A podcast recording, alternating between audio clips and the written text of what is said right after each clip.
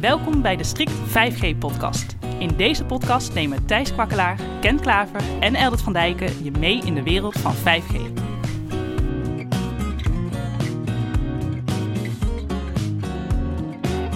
In deze aflevering van de 5G-podcast gaan we het hebben over Open RAN en private networks. Uh, aan tafel heb ik uh, Eldert die mij echt een hele hoop kan gaan vertellen over Open RAN. En aan de andere kant heb ik Ken Klaver die mij ook een hele hoop kan vertellen over private networks. Uh, in juni, Eldert, zijn er een set aan kamervragen gesteld over Open RAN. Kun je daar wat, wat over vertellen? Over de kamervragen of over Open RAN? Ja, laten we eerst maar eens uh, beginnen over de basis van Open. Want wat is dat eigenlijk? Ja, Open RAN is een beweging die al een heel aantal jaren geleden gestart is. Eigenlijk door Facebook. Die gezegd heeft van er zijn uh, op deze aarde nog heel veel mensen die geen toegang hebben tot internet. En wat nog veel erger is, dat ze geen toegang hebben tot Facebook. En er zijn een hoop uh, traditionele leveranciers die, die grote systemen kunnen bouwen. Maar waarbij grote gebieden in de, in, op de wereld niet van een mobiel netwerk zijn voorzien. En hun gedachte was eigenlijk, als we dat nou op basis van open standaarden, open technologie gaan doen, dan kan dat misschien tegen veel lagere kostprijs. En dan kunnen ook een hele hoop gebieden die nu niet van internet uh, en mobiel netwerk voorzien zijn, uh, dan ook daarmee worden uitgerust. Dus daar is het ooit mee begonnen. En vervolgens is het door uh, mobiele operators opgepakt als een manier om de, de kosten van hun mobiele netwerken onder controle te houden. En daar is eigenlijk een enorme beweging uit ontstaan vanuit een grote hoop op een betere toekomst. vanuit de gedachte dat alles veel goedkoper kan. En ik hoor nu een hele hoop hopen en toekomst. is het dan ook nu beter en goedkoper? Uh, het korte antwoord: uh, 2G, 3G en 4G zijn ze redelijk in staat om uh, op hetzelfde niveau als de, de, sorry, de traditionele leveranciers iets te leveren. Maar 5G is nog een veel lastigere radiotechnologie met veel hogere bandbreedtes. En in mijn inschatting en ook in de inschatting van operators is Open RAN nog niet klaar voor grootschalige 5G-rollout. Dus is het nu al helemaal waar het moet zijn? Nee. Maar het is ook een beweging die heel veel jaren al, al gaande is en die nog vast heel wat jaren nodig heeft om uh, tot volledige wasdom te komen. En dan die Kamervragen, waarom zijn die dan gesteld? Dat is wel interessant. In, in Engeland zijn natuurlijk door geopolitieke redenen een, uh, veel discussies geweest over uh, Chinese leveranciers. Daar is Huawei eigenlijk ook een persona non grata genoemd in de mobiele netwerken. Dus de mobiele operators die voor een belangrijk deel dat ook als leverancier hadden, hebben die leverancier eruit moeten halen. En eigenlijk heeft de Engelse overheid gezegd van nou laten we dan die leegte die opvullen met een, een, een andere technologie op basis van Open RAN. En de Engelse operators hebben als uh, punt meegekregen van de Engelse overheid: gij zult uh, een derde van uw netwerk op basis van open RAN technologie gaan uitrollen. Dus voor de Engelse operators ligt er gewoon een druk vanuit de overheid aan de ene kant om een leverancier eruit te halen, en aan de andere kant om er een technologie in te krijgen die ja, een groot voordeel zou bieden voor de Engelsen, denk ik. En Engelsen hebben natuurlijk uh, in een enorm groot land veel plekken waar de radiodekking echt nog niet optimaal is. Dus dat kunnen wij misschien hier ons in Nederland niet echt voorstellen. Maar daar is het echt geen grote gebieden waar het nog nooit mobiel internet is geweest. Dus het is ook als een, manier gezien om, om ook die rurale gebieden van dekking te voorzien. Als we dan kijken, alles vanuit één fabrikant en uh, qua software, qua hardware, dat is dan toch eigenlijk gewoon veel simpeler dan uh, met, een, met een open standaard. En dat je daar dan nou, kastje van die, kastje van die en dan uh, nog een laagje van, van de ander weer bovenop. Ja, dat, dat is waar. Um maar eh, goed, het is ook een beetje de discussie, denk ik, voor vandaag de dag. Uh, hou je van Android of hou je van Apple? Uh, waarbij je met Android natuurlijk keuze hebt uit allerlei verschillende toestellen. Veel meer flexibiliteit hebt in wat je kan doen. Terwijl je aan de andere kant een Apple heeft. Een volledig gesloten ecosysteem. De hardware komt van Apple, de software komt van Apple. en, dat, en dat zorgt er ook voor dat bepaalde dingen, denk ik, op Apple heel goed werken. Waar je bij Android soms iets meer aan het zoeken bent. Dus je hebt, maar je hebt wel veel meer flexibiliteit bij Android. Dus het is, het is een afweging die je moet maken. En er zijn operators die zeggen: ik wil gewoon één leverancier, want dan weet ik wie ik op moet bellen als er een storing is. En er zijn andere leveranciers of andere operators die zeggen: ik wil meerdere leveranciers, want ik wil die flexibiliteit hebben. En, en dat is zeg maar de achterliggende discussie. Wil je flexibiliteit of wil je uh, ja, een, een eenvoudig netwerk hebben? Wat betekent dat voor de verantwoordelijkheid van operators in deze? Want de integratie van die verschillende componenten van verschillende fabrikanten uh, is wellicht complexer bij verschillende leveranciers dan wanneer je alles bij één partij afneemt, zou ik zeggen. Ik denk dat je helemaal gelijk hebt, Ken. Dus dat, dat is wel een belangrijk aspect van Open RAN. Is dat die integratie, daar moet je niet te licht over nadenken. En eh, wat we ook vooral zien bij Open RAN implementaties die nu uh, bijvoorbeeld gaande zijn. Rakuten is een, een, grote mobiele operator die als Greenfield operator volledig op basis van Open RAN een oplossing heeft gedaan uiteindelijk kiezen ze voor een bepaalde oplossing en uh, met een bepaalde leveranciers. En dat is het dan ook. Dus op dat moment is die flexibiliteit eigenlijk ook weer zeg maar, overboord, overboord geschoven. Uh, want het, het, is een oplossing die werkt. En ze zijn na heel veel jaren integratie klaar om, om netwerken te bouwen. En hebben dat ondertussen gedaan. Dus het, het ja, er zit eigenlijk de gedachte achter Open RAN is... van als je die ene radio niet kan krijgen, dan kun je een andere gaan pakken. Net een beetje als uh, autobanden. Als uh, er niet genoeg Pirelli's liggen, dan pak je een Michelin of een Continental. En dan, uh, ja, past toch wel. En het rijdt ook vast goed. Dus daar maak je je geen zorgen over. Maar het is wel, voor een mobiele operator is dat wel uitdagend. Want je moet wel van heel veel leveranciers kennis opdoen. En alle integratievraagstukken afgaan. En op het moment dat er dan een nieuwe leverancier bij komt... moet je eigenlijk dat hele spel weer opnieuw doen. En al die componenten moeten worden beheerd. Je moet daar uh, zeggenschap over hebben. Je moet uh, uh, specificaties in de gaten houden, interface specificaties. Dat is best een behoorlijke verantwoordelijkheid. En inspannings, ja, inspanning eigenlijk is een operator moet, moet plegen, denk ik. Meer dan wanneer alles bij één leverancier vandaan komt. Ja, en wat ik zie is dat daar ook uh, consultancypartijen opstappen of op starten, zoals een Tech Mahindra uh, en, en, een Capgemini, die internationaal grote klussen zoals dit oppakken en die integratie voor een operator voor een deel doen. Maar ik sprak onlangs ook iemand die zei van ja, maar een operator moet zelf ook die kennis in huis gaan hebben. Want je kunt niet altijd op consultants vertrouwen op het moment dat je iets in de lucht moet houden. Precies dan moet je die kennis op, zeker op operationeel vlak uh, in huis hebben. En waar natuurlijk het hele gedachte achter Open RAN ook was om het goedkoper te maken. En vooralsnog zitten die integratie-uitdagingen en de daarmee gepaardgaande kosten, zitten een, een lage kostprijs van Open RAN denk ik, heel erg in de weg. Ja, dus het voordeel dat je, wat je eigenlijk hebt door marktwerking door verschillende leveranciers. Hè, je zou zeggen, veel meer vendoren betekent meer concurrentie, dus lagere prijzen voor de verschillende netwerkcomponenten. Ja. Um, wordt eigenlijk weer gecompenseerd of tegengehouden door de extra kosten die je hebt uh, op het beheer- en integratieaspect. En consultancykosten wellicht. Nou ja, uh, briljant. Ik bedoel, ik ben ook consultant, uh, net als jij. En we vinden het prachtig om, om weer een extra klus ergens te hebben. Maar, maar dat, ja, dat is niet de gedachte achter Operan, om nog meer consultants ergens bij te halen. Duidelijk.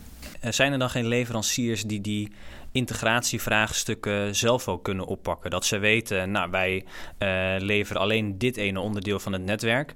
Uh, maar wij weten van alle andere leveranciers die op bijvoorbeeld onze core moeten inkoppelen, hoe dat zou moeten werken. zodat je ook die integratievraagstukken via die open standaarden wat gemakkelijker zou kunnen maken. Ja, maar het is wel het is wel een lastige. In die zin van dat ik, ik ken een partij uh, zoals Atonet, die leveren op heel veel uh, plekken in deze wereld al core netwerken, zowel aan operators als aan private netwerken.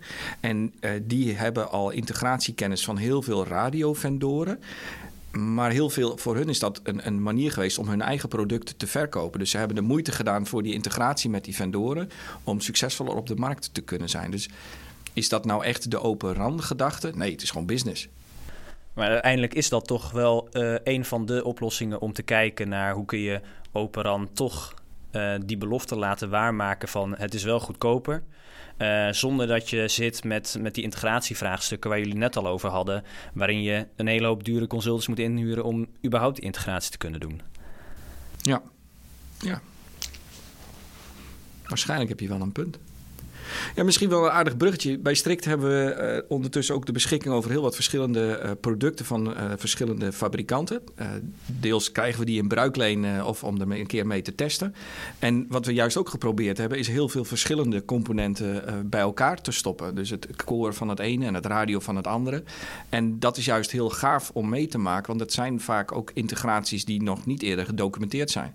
Tenminste, als je er op internet op googelt, vind je daar geen handleiding voor. Dus die zitten we zelf te schrijven. En dat is wel, ja, ik vind dat super gaaf om dat mee te maken. Maar dat geeft ook wel aan dat die hele wereld nog echt niet zo volwassen is. En waar Open RAN ook al dat nog moeilijker maakt, is dan vervolgens die radiocomponenten in vier blokken uiteen rafelen. Een stukje hardware, een stukje software, nog een stukje hardware.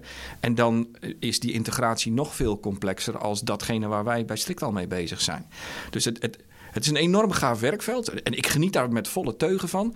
Maar ja, eigenlijk zou je willen zeggen: nee, weet je, je pakt gewoon een paar producten, zet ze bij elkaar en het werkt altijd. Ja, zo is het in de mobiele wereld op dit moment nog niet.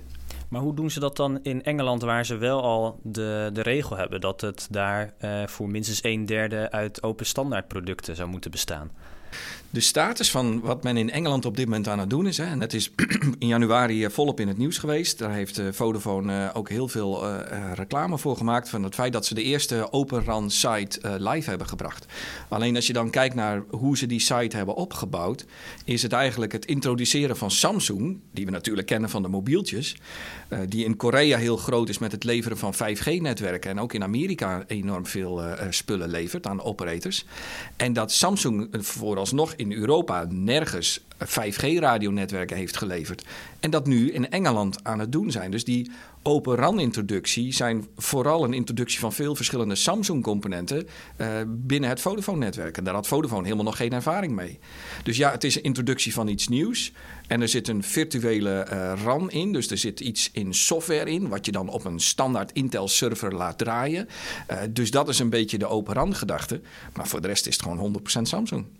Dus in hoeverre is dat nou open? Ja, het is, eh, zeg maar, wereldwijd gezien is Samsung een van de vijf grote 5G-netwerkleveranciers ook. En in Europa kennen we hem dus niet. En, en ze zijn nu dus met dit bezig om in Europa voet aan de grond te krijgen. En misschien is dat wel vreselijk goed. Goed voor Samsung en ook goed voor Europa. Uh, maar ja, is dat nou echt open RAM? En als het dan gaat om de security bij Open RAM, want ja, je moet toch zaken op elkaar gaan zitten koppelen uh, die niet van jou zijn als leverancier. Uh, en als je alles zelf levert, dan uh, weet je van, van begin tot eind, A tot Z, hoe het in elkaar steekt. Dus dan weet je ook de kwetsbaarheden en waar je dan op moet, moet acteren. Hoe, hoe gaat dat dan bij Open RAN? Nou, dat wordt door de Open RAN-beweging sorry, ook echt wel als, als punt gezien. Waarbij er ook heel hard over nagedacht wordt om bij al die componenten ook security in te brengen. En dat geeft in feite ook al direct het probleem aan. Het feit dat er zoveel verschillende componenten zijn, moet je op elk van die componenten nadenken over hoe je de security gedaan hebt. En we hebben natuurlijk de afgelopen jaren ook een paar keer meegemaakt dat zelfs een standaard Intel processor uh, bepaalde kwetsbaarheden heeft. En daar op dat niveau kun je dus ook op de hardware, de onderste laag, kun je dus ook al security issues hebben. En daarboven wordt het alleen maar erger, want er zit een operating systeem op of een containersysteem. Er zit een, uh, uh, dat zijn ook allemaal plekken waar je op in kan breken, of wat in ieder geval security risico's met zich meebrengt. En Vroeger was er natuurlijk zoiets als security by obscurity. Dat je een doos kreeg waar je geen verstand van had, waar je niet wist hoe je eraan moest koppelen. Dan is het veel lastiger om daarop in te breken dan generieke componenten waar er heel veel hackers voor zijn. Want een standaard uh, Linux-server hacken, daar zijn heel veel mensen bij die weten wat ze daarvoor moeten doen. En dat is natuurlijk voor, ja, met een, een doos die je niet kent, moet je bij het begin beginnen. Ja, dus daar is eigenlijk wel een soort uitdaging met uh, net even uh, wat meer stappen die je moet doorlopen als integrator eigenlijk, omdat je ook moet weten van al die verschillende leveranciers of zij hun security dan ook op, op orde hebben. Ja.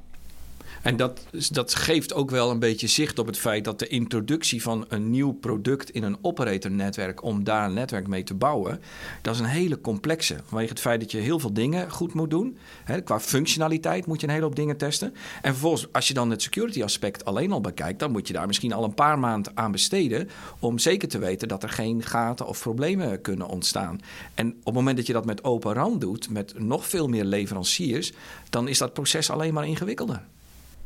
Helemaal in het begin heb je het gehad uh, over uh, de dekking in, uh, in Engeland, Groot-Brittannië, waar je hele delen hebt zonder dekking. en dat de Engelse overheid eigenlijk Open RAN als oplossing ziet om, om daar eigenlijk uitkomst in te bieden. Ehm, maar wat doet die oplossing dan? Hoe zorgt, die, hoe zorgt Open RAN nu dan voor, voor betere dekking? Doordat je uh, zeg maar een, een zendmast misschien de helft goedkoper uh, qua apparatuur uh, kan bouwen. En daardoor een eenvoudiger business case hebt. Dus waar je normaal gesproken zegt van nou, daarachter in uh, een deel van de provincie, daar staan nog 15 boerderijen en 10 huizen. Uh, moet ik daar een zendmast voor neerzetten? Dat kan nooit uit als zo'n zendmast een kwart miljoen kost om te plaatsen. En stel dat je die zendmast voor enkele tienduizenden euro's kan plaatsen, is het dan misschien wel interessant of is dan een positieve business case te maken? En dat is een beetje de gedachte daarachter. Dus dat is ook de hoop van de operators, dat ze voor veel minder geld iets kunnen bouwen. En dat is misschien ook wel een hele aardige koppeling naar private netwerken. Want dat is wel een van de positieve dingen die ik zie in de hele open RAN discussie. Dat als het ecosysteem veel groter wordt, hè, dat er niet vijf grote leveranciers zijn van 5G-spullen. Uh, maar dat er veel meer uh, leveranciers zijn die ook op, gewend zijn om met andere producten te integreren. Dan is dat wel makkelijker voor bedrijven die op zoek zijn naar private netwerken. En ken jij zit volop in een project waar uh, men ook op zoek is naar een privaat netwerk? dat klopt. Um, ja, of het een private of een publieke oplossing uh, wordt, daar uh, zijn de meningen nog verdeeld over. Um, maar private netwerken spelen een hele belangrijke rol uh, binnen het bedrijfsleven. Van oudsher kennen we private netwerken natuurlijk, nou, bijvoorbeeld in de zorg, hè, voor private GSM. voor binnen gebouwen kunnen bellen onafhankelijk van de operators, wat natuurlijk enorm kostenbesparend kan werken. Um, en je uh, veel meer grip hebt op uh, bijvoorbeeld beschikbaarheid van zo'n oplossing, beveiliging, al dat soort zaken. Dus je kan veel meer specificeren, of eigenlijk vanuit de specificatie die je als bedrijf hebt, uh, kun je een, een, oplossing uit de markt halen onafhankelijk van een mobiele operator. Dus dat is een groot voordeel. Je kan veel meer tailor-made maken, zo gezegd. Um, dat, dat gold al eigenlijk in de private GSM-periode, maar dat geldt zeker nu in de, in de, in de wereld van mobiele data. Eigenlijk met de komst van 3G en zeker 4G. Private 4G is iets wat al, al tijden wordt gebruikt. In Nederland zijn op dit moment ehm, nou, enkele honderden ehm, mobiele netwerken, private mobiele netwerken in gebruik. En al die bedrijven hebben vroeger van andere oplossingen gebruik gemaakt, bijvoorbeeld van wifi. maar wifi of heeft, van DECT. Of van DECT, hè, voor, voor, voor telefonie. En wifi kan natuurlijk ook voor bellen, maar heeft ook zijn eigen uh, voor- en nadelen. Uh, en een van de nadelen bij uh, het gebruik van wifi is nou, onder andere dat je natuurlijk gebruik maakt van frequenties die ook voor andere toepassingen in gebruik zijn. Is eigenlijk de, de zogenaamde ISM-band, Industrial um, Scientific and Medical. Dus die worden door allerlei apparatuur uh, gebruikt. Hè. Je kan dus ook storingen verwachten van anderen. Je kan geen rechten doen gelden op dat frequentiespectrum. En als je een privaat netwerk bouwt op basis van spectrum waar, waar je licentie voor hebt, dan, heb, dan, betaal je ook machtigingsgeld hè, aan de agentschap Telecom. En dan kan je dus ook rechten doen gelden ten aanzien van onderzoek van storingen en dergelijke. Um, dat is ook gelijk een knelpunt, hè, want ik raak hem er wel even aan. Frequentiespectrum voor private netwerken. In Nederland um, zijn er een aantal frequenties die je daarvoor kunt gebruiken. En een daarvan is de, de, de voormalige DECT Guardband. Die heette vroeger zo, die heet volgens mij nu anders. Nou, die wordt volgens mij nog vaak zo genoemd. Ja, in de volksmond zeker in ieder geval. Hè. Maar dat is een, een stukje in de 1800 MHz band, net boven GSM-band. En daar heb je beperkte ruimte om uh, uh, met private LTE of misschien wel 5G iets te doen. Maar die frequentieruimte is eigenlijk zo beperkt dat je hele breedbandige toepassingen daar niet echt uh, op kan loslaten. En uh, ja, waar het bedrijfsleven heel erg naar op zoek is, is uh, uh, voldoende spectrum om ook bijvoorbeeld videotoepassingen of augmented reality of echt breedbandige datatoepassingen op, op uit te rollen. Ja. En dat spectrum gaan we eigenlijk pas krijgen op het moment dat de, de 3,5 gigahertz band indeling definitief is en daar vergunningen in kunnen worden verleend. En er zijn in het verleden al wel vergunningen verleend. En die liepen af in 2022, 2026 voor bedrijven. Um, maar uh, omdat he, aan, aan, de licentie zit nou eenmaal een, uh, een, een, beperkte houdbaarheid. En de bestaande licentiehouders, er zijn echt wel grote, grote bedrijven in Nederland, die moeten verhuizen op het moment dat het nieuwe bandplan voor de 3,5 gigahertz band van kracht wordt. Dat is best een hele operatie, vooral logistiek. En ook, he, dat brengt dus een hoop kosten met zich mee. Ja. Zijn er niet andere banden nog beschikbaar waar je leuke dingen in kan doen? Nou, lastig eigenlijk voor, voor private netwerken. Ehm, ja, omdat je een privaat netwerk wil hebben waar je ook uh, een bepaalde mate van bedrijfszekerheid aan kan ontlenen, wil je ook wel van beschermd spectrum gebruik maken. Ja. En je kan machtigingen aanvragen, maar voor breedbandige toepassingen heb je ook relatief veel spectrum nodig. En die vind je eigenlijk alleen maar in de wat hogere frequentiebanden. Dus de 3,5 gigahertz band is eigenlijk wel ultiem geschikt. Uh, er zijn wel andere banden die op dit moment door bijvoorbeeld het ministerie van Defensie worden gebruikt. Of waar een experimenteervergunning voor te verkrijgen is. Maar voor, laten we zeggen, een, een langdurige inzet gedurende een jaar of 10, 20, ja, wil je eigenlijk een eigen frequentie hebben. Ja, ja, dat, dat is ook wel een hele lastige. Hè? Want op het moment dat je nu als bedrijf nadenkt over een privaat netwerk. en je ziet van nou, ik, dat gaat met behoorlijke investeringen gepaard. Hè? Zeker als het een, een systeem is wat het altijd moet doen. Hè? Of, of zelfs uh, missiekritisch is. Dat er zelfs mensenlevens uh, mee in gevaar gebracht worden als het netwerk het niet doet. Dan en je moet daar bijvoorbeeld eh, behoorlijk in investeren. En je hebt geen zicht op hoe lang je die, van dat systeem gebruik kan maken en er plezier van kan hebben. Vanwege het feit dat je geen recht hebt op een bepaalde frequentie. Ja, dat zijn hele lastige beslissingen. Eh, zie jij ook dat dat de business op dit moment in de weg zit? Uh, ja, zeker. Ja, ja absoluut. Ehm, gewoon het gebrek aan, aan frequenties om dit soort dingen voor je eigen enterprise te regelen, dat is echt wel een, een grote bottleneck. Je bent eigenlijk afhankelijk van uh, de beschikbaarheid van die frequenties, of het, het, nog niet beschikbaar zijn van frequenties in die hoge band. Ja. Um, wat je zou kunnen doen natuurlijk, is uh, proberen een afspraak te maken met een van de mobiele operators. en er zijn natuurlijk uh, bij, de, bij de huidige mobiele operators best abonnementen te verkrijgen met een wat hogere prioriteit. een prioriteitsdienst of een, een, een dedicated datacommunicatiedienst. Uh, maar dan nog ben je nog steeds afhankelijk van uh, de grillen tussen aanhalingstekens van die operator. Ja. Uh, en als er een keer een landelijke storing is, hè, of er valt een deel van je radionetwerk uit van, van die mobiele operator, dan heb je in dat gebied nou, geen of, of beperkte service.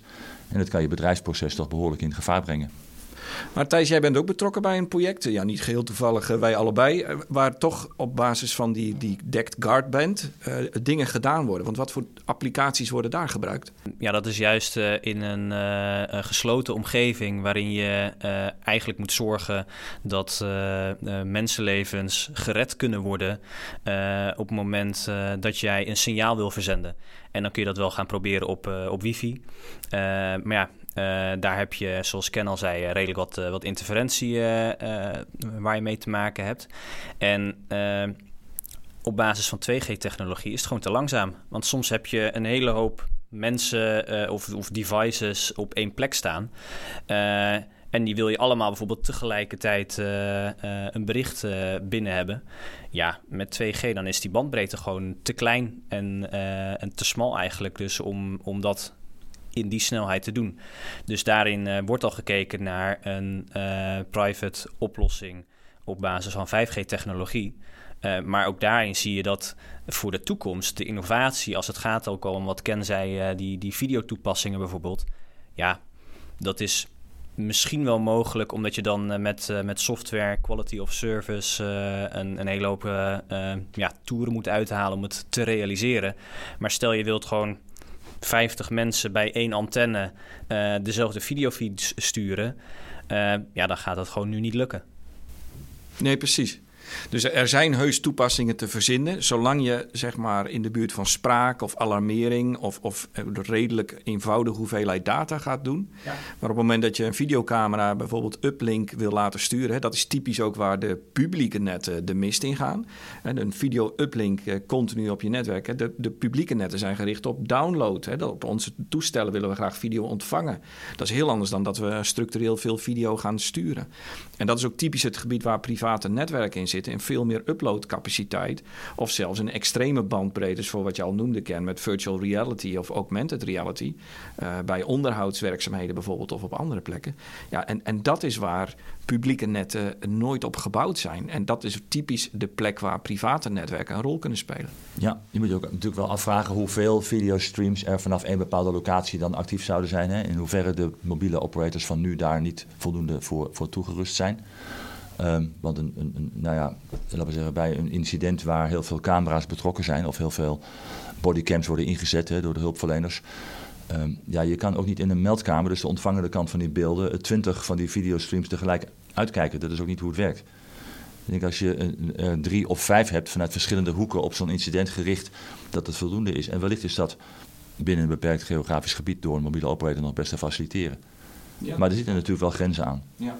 Een ander uh, aspect, um, wat, wat wel interessant is, is dat je ziet dat de laatste tijd um, toch ook mobiele operators, of laten we zeggen telecombedrijven, zich richten op die wereld van, uh, van private netwerken. Een recent bericht uit, uh, uit Duitsland, Deutsche Telekom, die biedt nu een dergelijke dienst aan aan enterprises.